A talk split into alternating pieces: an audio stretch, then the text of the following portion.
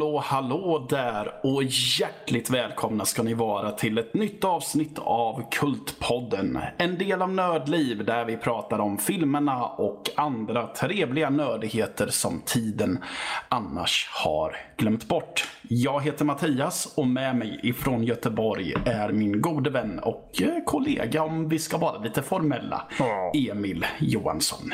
Och gisses vad formellt det blev. Hallå! Ja, jag kom på att jag inte presenterade mig med efternamn, men... Mattias Malm! Yeah!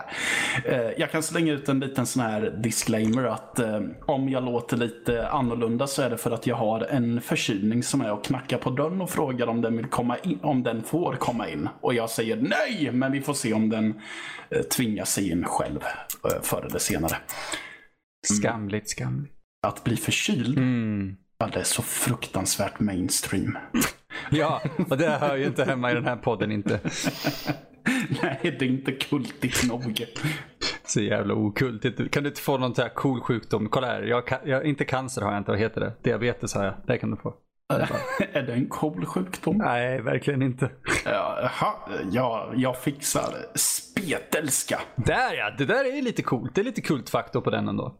Ja, det är det kanske. Ja, det är inte så jättevanligt längre. Vi får sadla om eh, podden helt enkelt. Det här, vi pratar om de kultigaste sjukdomarna. Det är ju fantastiskt egentligen.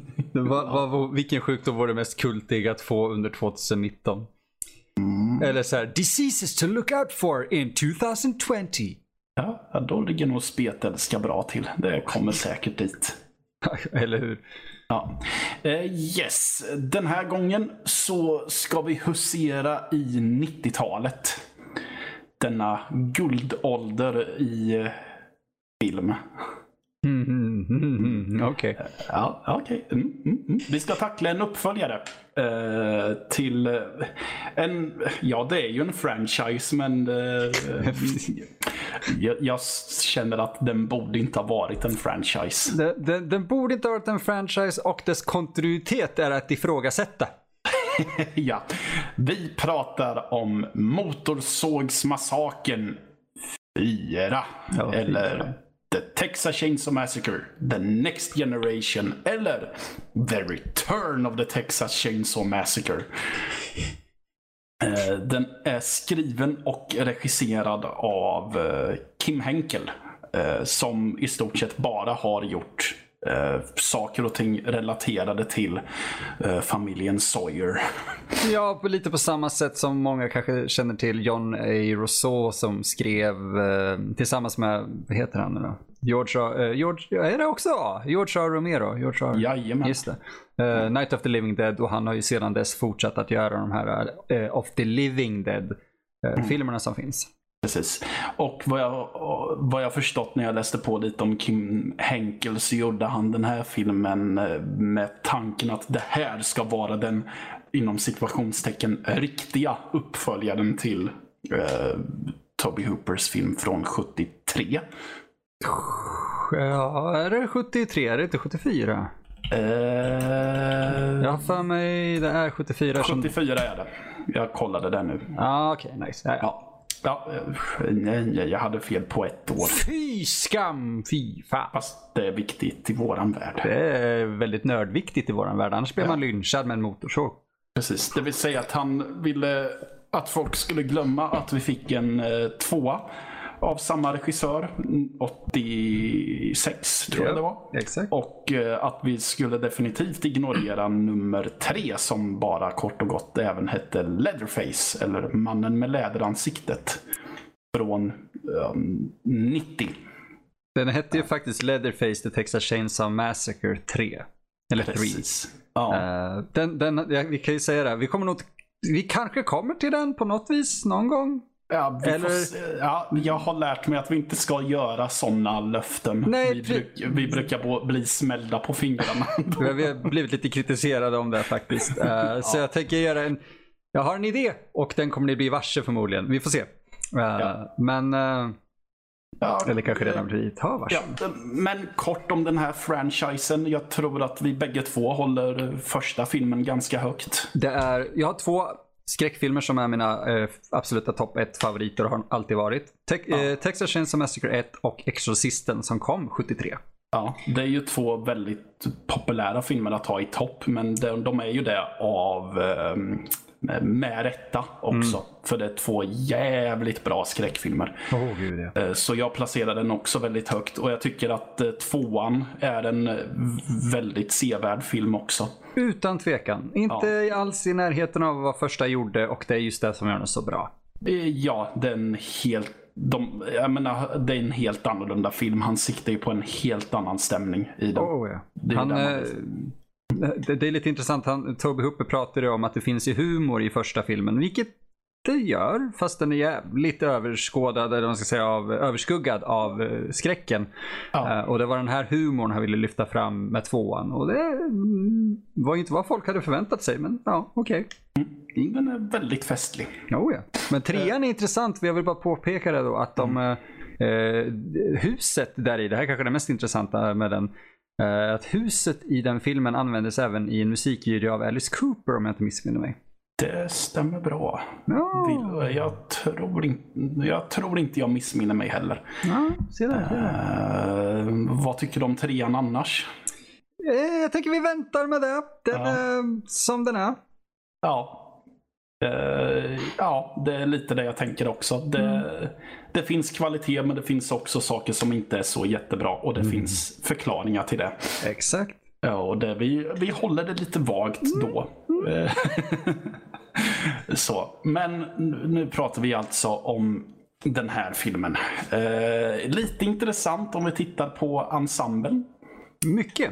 Ja, för vi har ju till exempel ja, men vi har Robert Jack som Leatherface. Och vi har mm, namn som Tony Perensky och Joe Stevens. Det här är ju inga som ni känner igen. Jag tror inte ens vi känner igen dem. Nej, det gör vi inte. Men vi känner ju igen de två motvilliga dragplåstren till den här filmen. Men vilka är det då? Det är Renée, Renée Zellweger som spelar Jenny. Och så har vi Matthew McConaughey som Wilmer. Det är så fruktansvärt jävla roligt att de är med i den här. Ja, det är jättekul. Och eh, man, när man ser den här så förstår man att det, vart karaktär, att det vart karriär för i alla fall Matthew McConaughey när man ser den här filmen. Han är fantastisk i den här. Vi kan ju säga det ja. till att börja med. Båda är helt briljanta i den här. Men Matthew ja. McConaughey är fucking batshit insane.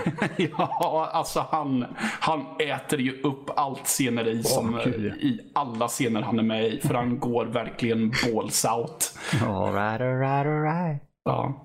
Jag tror att vad René Zellweger är hemma av i den här filmen är väldigt märkliga repliker och vad jag mm. uppfattar som väldigt konstig regi.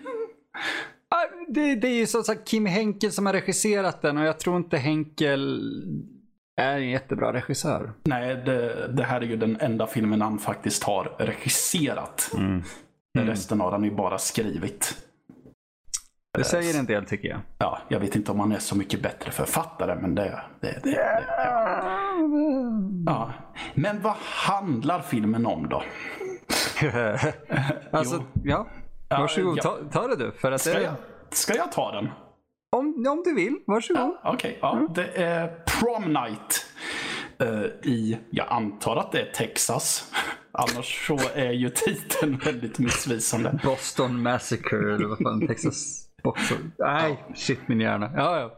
Det går inte att ha någonting annat än i, i Texas. Ja, men det handlar i alla fall om en grupp tonåringar som är först på prom night. Sen händer det saker så att de bestämmer sig för att åka iväg. För det, en av tjejerna i gänget kommer på sin pojkvän med att vara otro, eller inte otrogen. Han hånglar med en annan tjej. Det är otroget. Ja, Okej okay då. Då är det väl otroget då. Jag tänkte mm, att eh, han inte hade sex. om, han nu pen eh, om han nu penetrerar henne oavsett om det är med penis eller med tunga så kan man nog ifrågasätta trohetsvärdet i det förhållandet han har. Okej, okej. Jag drar tillbaka. Sådär. I, I withdraw. Ser ni folk? Vi har redan rättat till Mattias felaktiga syn på eh, saker. ja, men de, de åker iväg i en bil tillsammans med två andra vänner. Jag har för mig att de bara är fyra stycken. Um, ja, jag tror det. Ja, de uh, råkar ut för en bilolycka. Dun, dun, dun. Ingen av dem förolyckas. Uh, alltså, ingen av dem dör. Uh, förutom eventuellt snubben som de krockar med, tror jag det är. För han slår huvudet i ratten. Um, och är medvetslös och de söker hjälp hos en kvinna som råkar ha sitt kontor där som sysselsätter sig med att flasha ungdomar som åker förbi och tutar. Det... Fruktansvärt märkligt. Ja, alltså tvåan har en extremt märklig öppning. Den här är märklig på ett helt annat sätt. ja. Um, för att den, eh, inledningarna brukar ju någonstans etablera stämningen och den här filmen eh, etablerar ingen stämning utan man sitter mest bara och tänker vad i helvete är det som pågår här egentligen? För det ska tilläggas att alla karaktärer agerar supermärkligt och säger supermärkliga saker till varandra också. Ja ja. Kim Henkel är ett fantastiskt manusförfattare. Vad pratar du om? Briljant. Um, den här kontorsmänniskan hjälper i alla fall att ringa efter en bärgare som tydligen heter Wilmer. Uh, en av vännerna stannar kvar vid bilen och de andras eller vid olycksplatsen och de andra utforskar. Uh, och ja, eh, för att inte vi ska hamna i det här att vi går igenom scen för scen som kan vara lite tröttsamt och vagt. Eh, så kan vi väl säga så här att eh, den här bärgaren har har ett väldigt ont sinne och hör ju till en liten familj som bor i ett eh, litet ruckel ute i skogen. Mm. Och det visar sig att oj, här är det kannib... Här är det, verkar det vara lite kannibalism och grejer och sen så är det ju en viss herre som svingar en motorsåg som visar sig också. Det, det, ja. Ja. Det, jag vet inte hur mycket mer man ska säga om Uh, vi kommer ju behöva prata om specifika delar i det här. Alltså, egentligen händer det ju inte jättemycket mer storymässigt på det sättet. Uh, det här är en film som är väldigt hatad av väldigt många i skräckcommunityn faktiskt. Ja. Uh, jag vet många som verkligen, verkligen, verkligen avskyr den. Inklusive jag gjorde det i en väldigt, väldigt lång period efter att...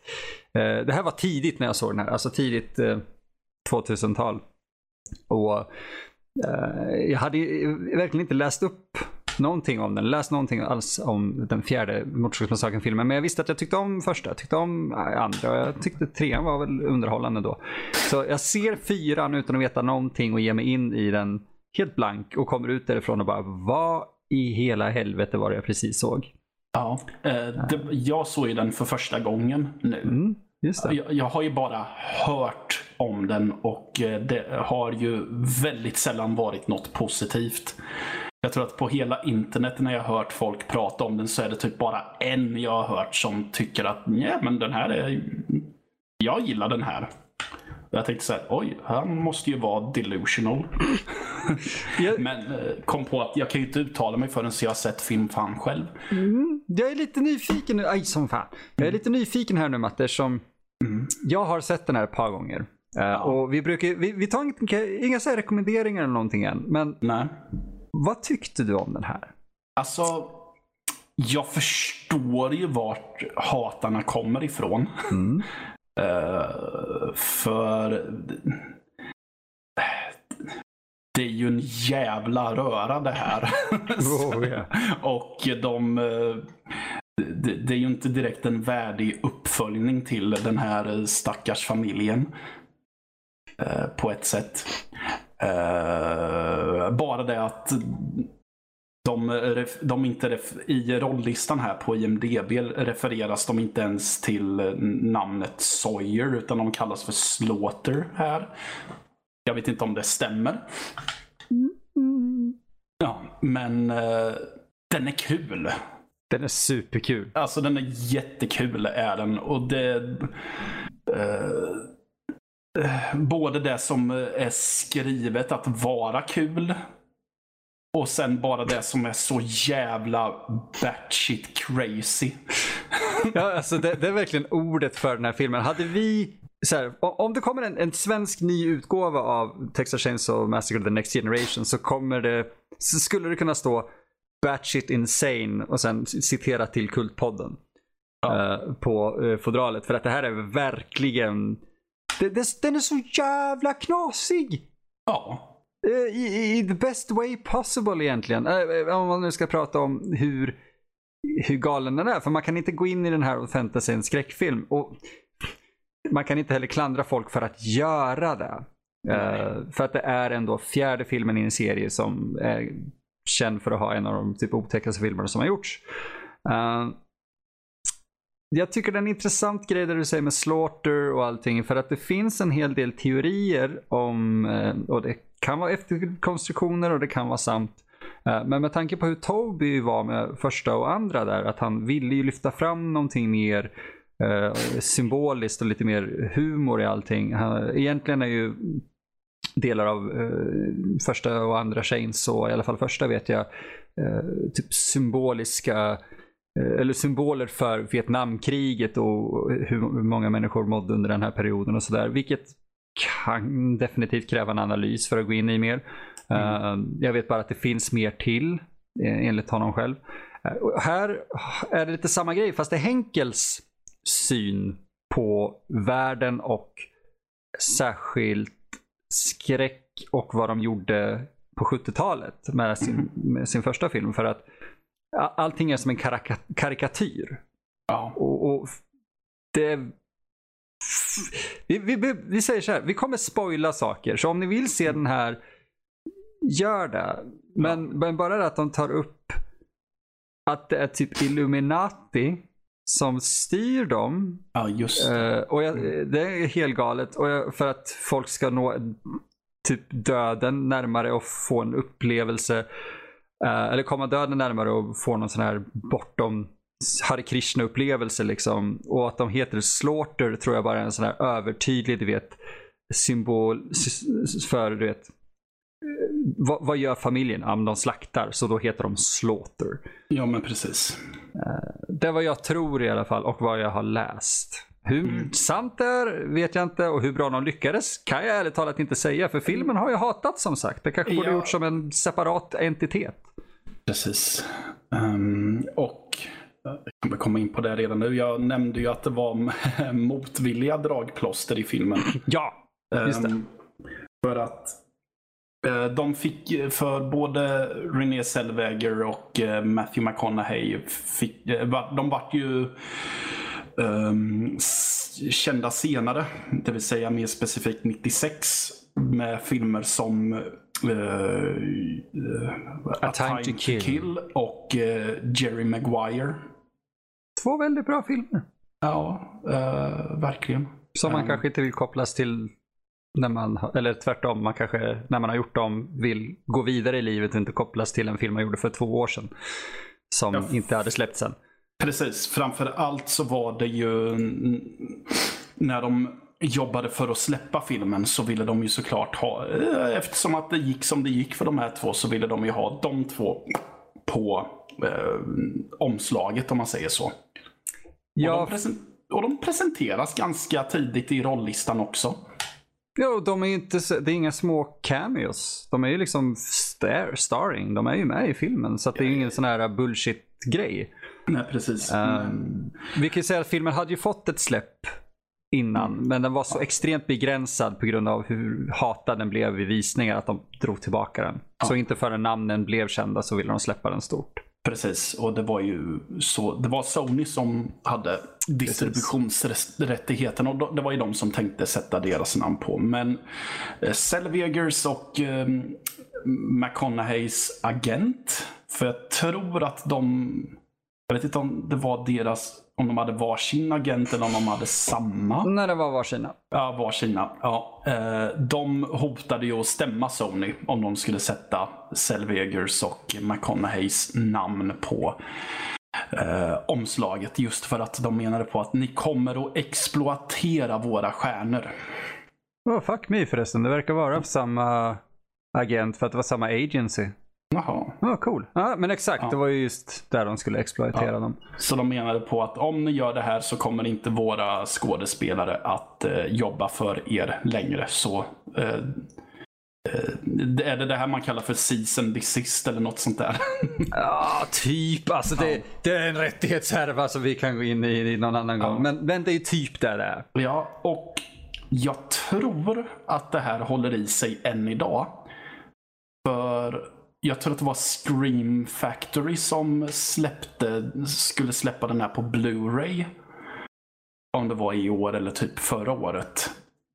Men den vart försenad på grund av att de var tvungna att just göra om omslaget och jag hörde någonstans att det faktiskt hade med att de hade McConaugheys och eh, Zellwegers namn på den. Många planscher har ju deras ansikten eh, på omslaget. Alltså eh, väldigt, vad ska man säga, framstående kan man väl säga. Ja. Eh, de, det syns väldigt tydligt att det är dem.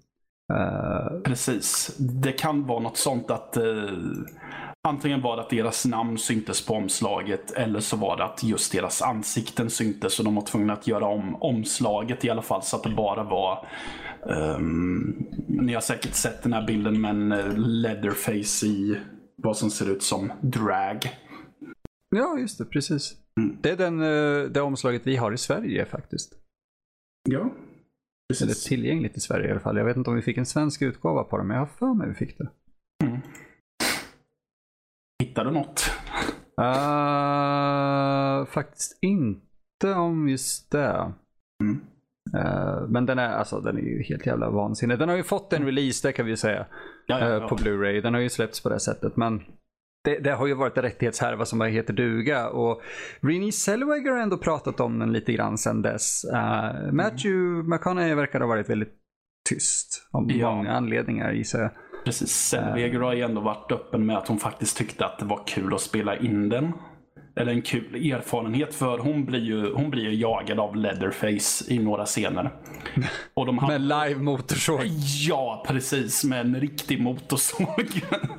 Så Man, man tänker att 1974-73 spelades den väl antagligen in, men 1974 där så släpptes första Motorsågsmassakern som innehöll samma typ av scen. Och sen så här 20 år senare så bara ah, fuck it, vi jagar vår skådespelerska med en vanlig motorsåg igen. Ja. Eh, men det här, alltså det är ju det, fyran var ju en sån extremt lågbudgetproduktion att det, det finns inte. Det var ju så mycket saker där som till och med jag i- idag hade varit, om jag kom till mitt sätt eller ett sätt och var så här, varför, okej, okej, vi måste typ ringa något fack eller någonting för så här kan det fan inte vara. För det, hon har ju pratat om att det var en kul upplevelse och det var väldigt, hon är väldigt tacksam för filmen. Mm. Eh, att den startade väldigt mycket för henne. Hon har ingen skam har hon sagt för den. Eh, vilket jag beundrar. Men det är också en, en katastrofal produktion egentligen med tanke på hur extremt eh, kanske icke lagligt vissa saker var som eh, skedde. ja, Om man tänker på säkerhet och så. precis. Ehm, ehm, det var, ja, jag hade någonting jag tänkte säga. Jo, just det. det här är, jag kommer inte ihåg hur det är i trean, men det här är den enda filmen jag vet om där, i alla fall i originalfranchisen, eh, där Leatherface faktiskt kallas för det. För de kallar honom för Leather här i alla fall. Ja, de kallar honom Ledder i andra filmer också. Det kanske de gör. Uh, I uh, tvåan så är det, Get that bitch Leather! Get that bitch! Ja, Skriker eh, Bill Mosley. Jaha, just det. Fan vad jag gillar den filmen, nu måste jag se den igen. Ja, den är jättebra. För annars så brukar jag ju... Jag trodde ju annars att det var strikt med typ Babba. Ja just det, det kallar de honom också. ja. Ja, precis. Ehm, ja, eh, Emil var ju inne på det också lite förut att eh, tydligen är det här som Matthew McConaugheys Alright, alright, alright startade. Ja, det, det, det, sägs att det är det. Eh, Ja. Det är svårt att säga om det är så. Ja. Men det här är typ första gången som det blev, alltså, man hörde det I guess. Vilket är jättekul ja. med tanke på att han fortfarande använder det. Ja, nej men hans, hans karaktär Wilmer är ju galen. Dels på grund av att han är så jävla modisk. Alltså han är... Mm. Och ja. Sen så är det ju bara det att uh, han är han har ett väldigt märkligt temperament plus att han också har någon han har ju varit med om någon slags olycka med sitt ben så han har någon robotanordning omkring det. Ja, jag för mig han ska... Alltså det är så jävla svårt att hålla reda på vilken uh...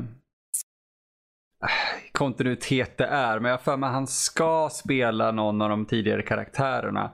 Ja. Uh, och Leatherface var den som sågade sig själv i benet i första. Jag minns inte om det tas upp i tvåan någonting. Mm. Uh, Jim Sirao som spelar The Cook, eller det, deras äldre bror är med i tvåan. Mm. Han, alltså det är så här, det är svårt att veta vad fan som ja, pågår. Uh, han, uh, nu ska vi se här. Enligt Kim Henkel så ska Wilmer då vara The Hitchhiker. Ja, okay. Och WE ska vara uh, Cook. Uh, jag tänker bara säga nej på det. För uh, Hitchhiker blir uh, mald av en jävla långtradare. Precis min tanke och då behöver man mer än bara en robotanordning på benet. Åh oh, gud ja. ja. Men eh, alltså, vi, jag måste ju bara ta upp det innan jag glömmer bort det. Alltså, mm. Vi kommer komma tillbaka till mycket av det han gör i den här filmen. Han, ja. Matthew McConaughey har ett par av mina favoritscener i den här. Det har Renée Zellweger också. Men ja. han gör ju den här, eh, du vet, Fan, kommer inte ihåg vad de heter. Är det Tusken Sandriders? Eller sand, de här sandfolket från Star Wars. Han gör ju typ ja. en, en sån... Ja, ja, ja, det gör han. Och den är, den är så jävla vrickad den scenen. Ja. Han gör det ju efter att eh, René Zellweger har hotat, hotat hela familjen med ett hagelgevär efter ja, att hon har fått fatt på det. Och då och lyckas han slita det ur, för hon ska bränna av ett skott och så klickar, ha, klickar bössan och då sliter han av den, sliter han den ur handen på henne och skjuter hål i fönstret och sen kommer det. Som är, det är så jävla bra. Jag tror han typ ja. Han, så trycker, han tar tag i pipan också, så här, trycker den mot munnen eller i munnen på sig själv när hon har den där. Alltså, ja, jävla weird film alltså. Verkligen. Men, eh, och även, alltså när, när de, de hittar ju eh, en av dem, eller hittar hittar, en av deras eh, en av ungdomarna helt enkelt. Så vi får mm. aldrig känna, lära känna dem ordentligt. Nej. en av dem har svimmat av eller vad det är på, på marken eller någonting. Och Matthew McConaughey eh, kommer upp till honom och så sätter sig på huk. Och mm. vad fan är det? Hon, typ Renée Zellweger frågar så här. Is he okay? Eller så här, is he alive? Och Matthew McConaughey tar tag i honom och säger så här, knäcker nacken på honom och sen, ja. no he isn't. Precis. Något sånt där. Det är så jävla roligt. Ja. Um, sen tycker jag också att uh, det är lite kul med karaktären W.E. Som uh, vid första uh, eller det, det är med en av Renée Zellwegers kompisar som kommer på bakgården och då höjer han upp hagelbössan och säger åt henne att stanna och sen så droppar han ett citat från Ulysses Grant. Oh, och då sa han, då, han säger citatet och säger ja, det är Ulysses Grant. Men det vet ju inte du. Cause you're a bona fide moron. Men det är väl att han är så extremt påläst också? Ja, ja, han droppar ju flera citat och upplyser alltid om vem det är. Min favorit är typ när han drar ett Shakespeare-citat och kallar Shakespeare för Billy Shakespeare. Bara för att understryka vilken white trash redneck han är. Åh, för fan. Och, Åh oh, gud, ja, de beställer ju pizza också. Ja. Och det är viktigt fantastiskt. Och, och, han har, Matthew McConaughey har lagt Renée Zellweger i, i typ bakluckan på, på bilen. Ja. I så- en soppåse, i en sopsäck ungefär. Ja, av plast. Precis, det är så jävla dumt. Det är så Ja. fantastiskt. Och så öppnar han upp den där och har pizzorna och typ där, eh, Are you gonna shut up if you get a piece of pizza? Eller så här, a slice of pizza? Ja. Mm. Och så, så ger han henne en pizza och så blir hon tyst. Ja, jag kommer ihåg det som att hon hon öppnar, och, eh, alltså det är ju hon, kontorskvinnan, som visar, vara, visar sig vara i Kahoots. Med, Ja, just det. ja, I maskopi med dem. Med slaktfamiljen. Och hon öppnar för att René Zellweger har ju legat och skrikit i bagageluckan och säger ja, ska du hålla käften? Ja, ja, ja men kan du göra ett hål så jag kan andas? Just det.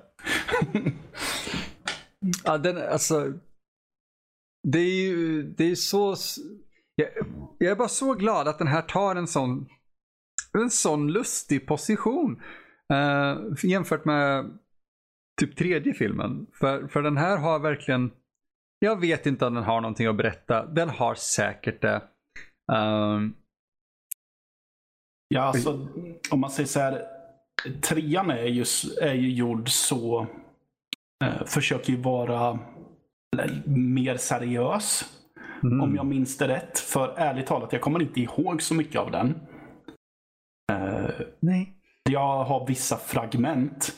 Eh, den här filmen kommer jag ju att komma ihåg. Ja. Jag kanske inte kommer att komma ihåg så mycket av handlingen, men jag kommer ju komma ihåg alla jättemärkliga scener eh, och så. Alla eh, ja, men typ Matthew McConaughey som ställer sig och krossar en skalle genom att lätta på trycket på hans robotben och lite så. Alltså, ja, hans robotben är ju verkligen fantastiskt. Ja, Han, han har typ en fjärrkontroll till det. Ja, alltså det är ju så Tydligen tyckte ju produktionsteamet att det här var fantastiskt eftersom att det är en snubbe som är creddad för att ha gjort robotljuden till just det benet. Oh fan. Ja, det står typ uh, Matthew McConaughey, nej, Wilmers leg prosthetic sound design eller något sånt där. Ja, alltså det, det ja, ja, men det är ju som all ljuddesign egentligen. Att det är någon som har. Det är lite kul att få egen cred för just att ha eh, skapat ljud åt någonting specifikt. För att det är bra ljud. Ja, ja, det är det verkligen. Men det är extra roligt när typ Renée Zellweger får tag på det och ah, heter han, Matthew McConaughey springer runt och försöker, han skäller typ på henne och så sätter hon igång benet på honom så att det så sticker iväg och och han bara faller omkull och sparkar omkull saker. Det är så Ja. Men, men vi har ju faktiskt inte kommit till eh, en av de kanske viktigaste delarna i Motorsågsmassakern-filmen egentligen. Leatherface, Mattias. ja. Vad, vad pågår där? Vad som pågår med Leatherface? Ja, Ja, jag vet i fan riktigt. Nej. Han är... Han är ju i den här filmen med bara för att, känns det som. Ja alltså, precis. Jag, jag, jag fattar att, den, att karaktären har, fyller en funktion om man tar den här eh, Kim Henkel-subtexten. Ja, Men annars, då, annars fyller han verkligen ingen funktion. inte alls. Alltså han, visst, han jagar några av ungdomarna och han... Men annars så, alltså med motorsågen och så, men annars så eh, skriker han mest bara. Han skriker så mycket att Renée Zellweger ställer sig upp och säger typ... eh, först, uh, Leatherface ställer sig upp och börjar skrika rakt ut i köket. Ja. Och Renée Zellweger vänder sig om och pekar på honom typ Sit the fuck down eller någonting. Shut the fuck up. Han, "Oh!" ja. Det är Precis. fruktansvärt roligt. Renée, när Renée Zellweger kan skrika åt en motorsågs eh, s- wielding mördare Mm. att hålla käften och sitta ner. Då kanske inte mördaren är så badass. Nej, nej men alltså om man säger så här, det här. Han dödar ju inte ens någon med motorsågen i den här filmen. Nope. Där fick ni en rejäl jävla spoiler, men jag kan lika gärna säga att det, inte ens det får ni se. Ah, men du, det är lika bra för det är verkligen inte det filmen handlar om egentligen. Nej. Eh, den är bara fucking weird. Och Det är som ett parallellt universum lite grann. Och det är just hela, vi får ju typ en Rebel without, eller vad fan heter den? Inte Rebel without a cause, men det är någon Vilken är så- tänker du på? Jag tänker på, det är inte, det är inte Dean, det är um, Hitchcock. Rebelling- Hitchcock? Ja, planet som flyger över fältet där. Eh, North by Northwest. Vi får ju typ en sån scen också framåt slutet. Eh, ja, det, det får vi. Som är också så här. Vänta, va? Det är ju definitivt en sån här, vad, vad hände precis? Ja, För eh, alltså, då är det ju en jaktscen. Leatherface och Wilmer jagar efter Renée Zellweger. Och plöts, plötsligt dyker det upp ett flygplan. Un, eh, under den här jakten efter att de har eh, lyckats ta livet av ett stackars gammalt par som kör en husbil också. Ehm, men det paret är fantastiskt. Ja, jo det är de. Ehm, men planet gör typ en dykning och knockar slash dödar McConaughey med ett av landningshjulen. Och Leatherface ställer sig vid sidan och typ håller motorsågen på det mest flamboyanta sättet någonsin och håller fingrarna mot, eh, andra handen mot eh, kinden och typ ah! Precis. Det, det, det känns nästan som att man inte visste hur man skulle avsluta skiten. Utan man bara, ja men ett plan slår honom i huvudet. Ja, men det, blir, det är ju inte över. Nej. Det, det kom ju en limousin också Mattias. Ja, just det, det gör det. För att eh, vi var inne på det lite förut, att det är någon annan som styr. Och vi har ju fått träffa en karaktär innan som kommer och typ kollar läget i det här huset med sin hejduk. Och som kritiserar dem för att ja, men vad, är, vad är det här för styggelse ni pysslar med? Jag vill att ni ska sätta skräck i sinnet på de här människorna. Och sen försvinner han typ efter att han har visat att "Haha, titta, jag har en massa ringar fastsatta på min bröstkorg Ja, just det. av någon anledning. Ja, Och det är ju som sagt då typ The New World Order hashtag Illuminati. eh, ja. eh, som använder sig av familjen som sagt på Ja. något vis. Eh, Vi har ju cameos i filmen också. vilka tänker du på? Ja! I, för mm, vi får ju en sjukhusscen i slutet med. Det var egentligen bara en som jag kolade, om man säger så. Ja, Jag har kollat, jag kollat två första gången har jag för mig. Nej, en första gången. Och jag tror det är samma. Eh, Marilyn Burns. Exakt. Ja, eh, som eh, är en ma, typ en apatisk patient på en bädd. Ja, arguably att hon fortfarande är Shelley. She- Vad heter hon? Eh, jag kommer faktiskt inte ihåg vad hon heter. Okej, jag, jag kollar.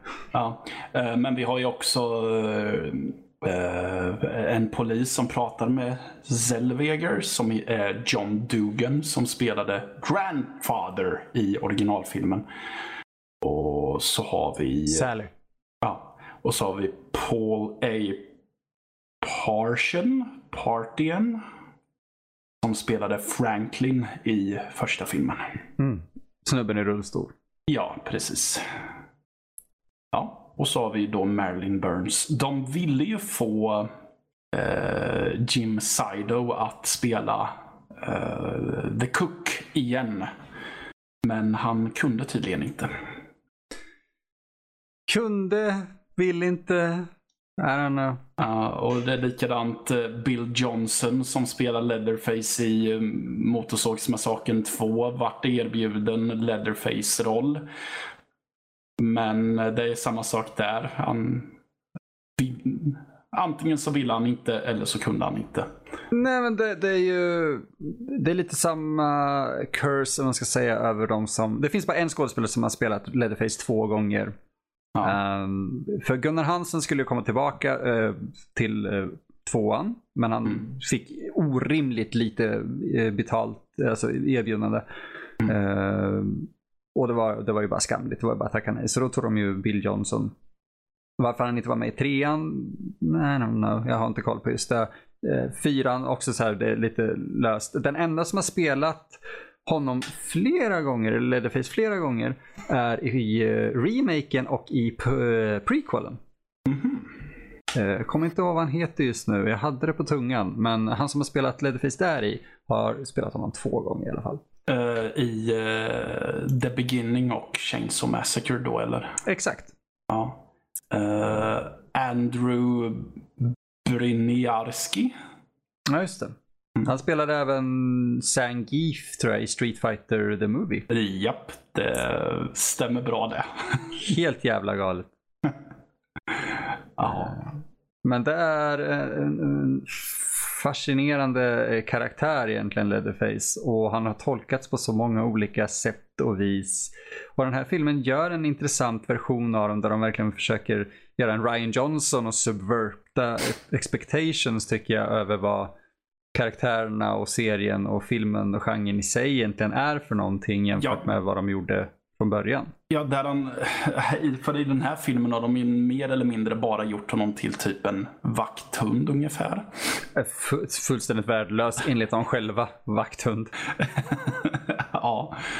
Uh, precis. Ja. Men, Han, eh, han, ja. förstör en, han förstör ytterdörren i den här filmen också. Eller inte ytterdörren, han förstör en dörr och så får man höra så här. "Oh, look what your brother did to the door. Fortfarande en sån där replik som levereras så mycket bättre i första filmen. ja, precis. Eh, Men det här var ju faktiskt den sista filmen i i serien innan remaken. Ja, Det, det tog dem alltså nio år att få rätt sida på det här. För jag tycker om remaken. Ja, den är bra. jaha, jag hade för mig om att du inte gjorde det. Nej, det är många remake jag inte gillar. Jag tycker den är faktiskt, den gör lite konstiga val, men jag tycker den är bra. Ja, alltså. Den är, jag tycker att den har tillräckligt mycket intressant i sig för att faktiskt vara existensberättigad. Hmm. Gör jag. Och eh, håller med. Jag har inget emot remaken. Jag kan på ett sätt, eh, alltså grejen är den att om jag ska kanske eh, spotta i dopfunten eller något sånt där så kan jag ju också säga att alltså, jag har inget Alltså jag tycker inte att The Beginning är värdelös heller. Det är en fullständigt eh, onödig eh, prequel. Ja. eh, men den är underhållande. Jag hade kul med den. Ja, och det är precis där jag är också. Eh, Men visste du att första, alltså remaken och första Texas Chainsaw har samma cinematographer? Eller i alla fall director of photography, jag kommer inte ihåg vilket. Ja. nej, det visste jag faktiskt inte. Så det är lite ballt att se att det är samma stil på bildspråket i den som det är i originalet. Ja, nu har vi suttit här och babblat i över 40 minuter. Ja, men en film som jag tror de flesta inte skulle se ens. ja, nej, men alltså vi kommer ju till den punkten nu. Alltså, Emil. Rekommenderar du folk att se Texas Chainsaw Massacre The Next Generation? Mm. Den är svår. Alltså självklart gör jag det, men förvänta er inte en Texas Chainsaw Massacre-film. Eh, för- då kanske ni kan njuta av den här. Se det lite mer som en kanske parodi på hela konceptet. Eh, för jag tror det är lite det man får förvänta sig. Eh, och de- definitivt ta ett par schyssta lager eller IPAs till den här.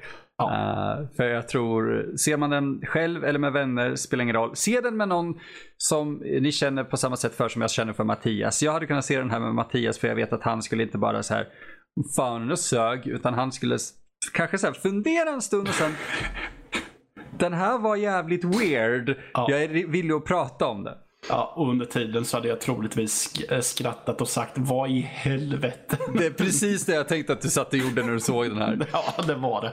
Eh, Ja, men jag rekommenderar den. Se den. Den är, den är ganska lätt att hitta i Sverige ändå eh, om man ger sig ut på second hand-marknaden och så. så att, eh, och som sagt, en ny Blu-ray-release. Om det är Shout Factory dock vill vi bara påpeka att det är förmodligen en region, eh, eller region A. Vilket gör att ni inte kan se den om ni har en regionfri spelare. precis. Eh, ja, och... eh, Du då Matte? Ja, eh, nej men alltså jag rekommenderar den också. Med den lilla blänkaren eller brasklappen att koppla, ifrån, koppla ifrån den ifrån det som kom tidigare. Alltså att man som du sa, man ska inte tänka sig den en del av den här historien. Eller så kanske man rent av, som du också sa, ska tänka sig den som en parodi. Ja, alltså en in-universe parodi. För att det här är ganska unikt egentligen. Ja, och se den med folk som ja, gillar kul och konstig film. Eh, drick några goda bärs till den så en bör ni vara hemma. Eh, Den har, jag måste bara säga att den har ju en ganska fantastisk, eh, fast inte egentligen, eh, tagline. Mm. If looks could kill, he wouldn't need a chainsaw. ja, ja, Eh, det, det är fascinerande. För att, eh, det här är en av de filmerna där de faktiskt fokuserar väldigt mycket också på eh, den, den eh, om man ska säga, transsexuella biten av Leatherface mer. Fast jag vet inte om det här var rätt film att utforska det. Nej, för det får inte så mycket fokus utan det bara, de visade ju typ bara i en scen och då är det lite så här, ja titta han, han är klädd som en kvinna. Ja, det blir lite så här varieté-showsvarning på det. Vilket filmen är, men jag hade velat se den eh, delen av serien utforskas mer än vad det görs här. Definitivt. Ja. Ja, Ska vi nöja oss där kanske? jag tycker det. Det finns inte jättemycket mer vi kan säga. Nej, då så. Kära lyssnare. Återstår det bara för mig att säga att om ni vill höra av er till oss så kan ni mejla oss på emil.nordlivpodcast.se eller till mig, Mattias nordlivpodcast.se. Eller vill ni skriva till eh, våra eh, kära redaktörer och undra hur fan kan ni acceptera den här skiten? Stäng av direkt! så kan ni skriva just det till info nordlivpodcast.se. Eh, ni får hemskt gärna följa oss på sociala medier. Vi heter nordliv.se på Twitter och eh, Instagram. Vi finns även på Facebook och då heter vi kort och gott Nödliv.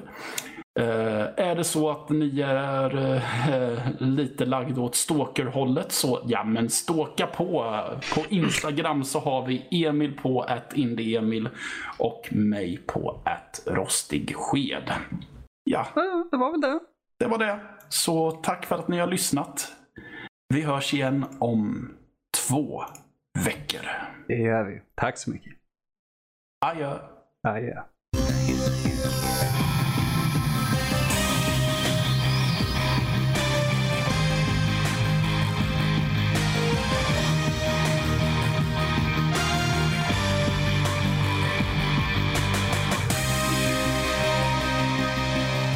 Det var roligt det lilla avsnitt.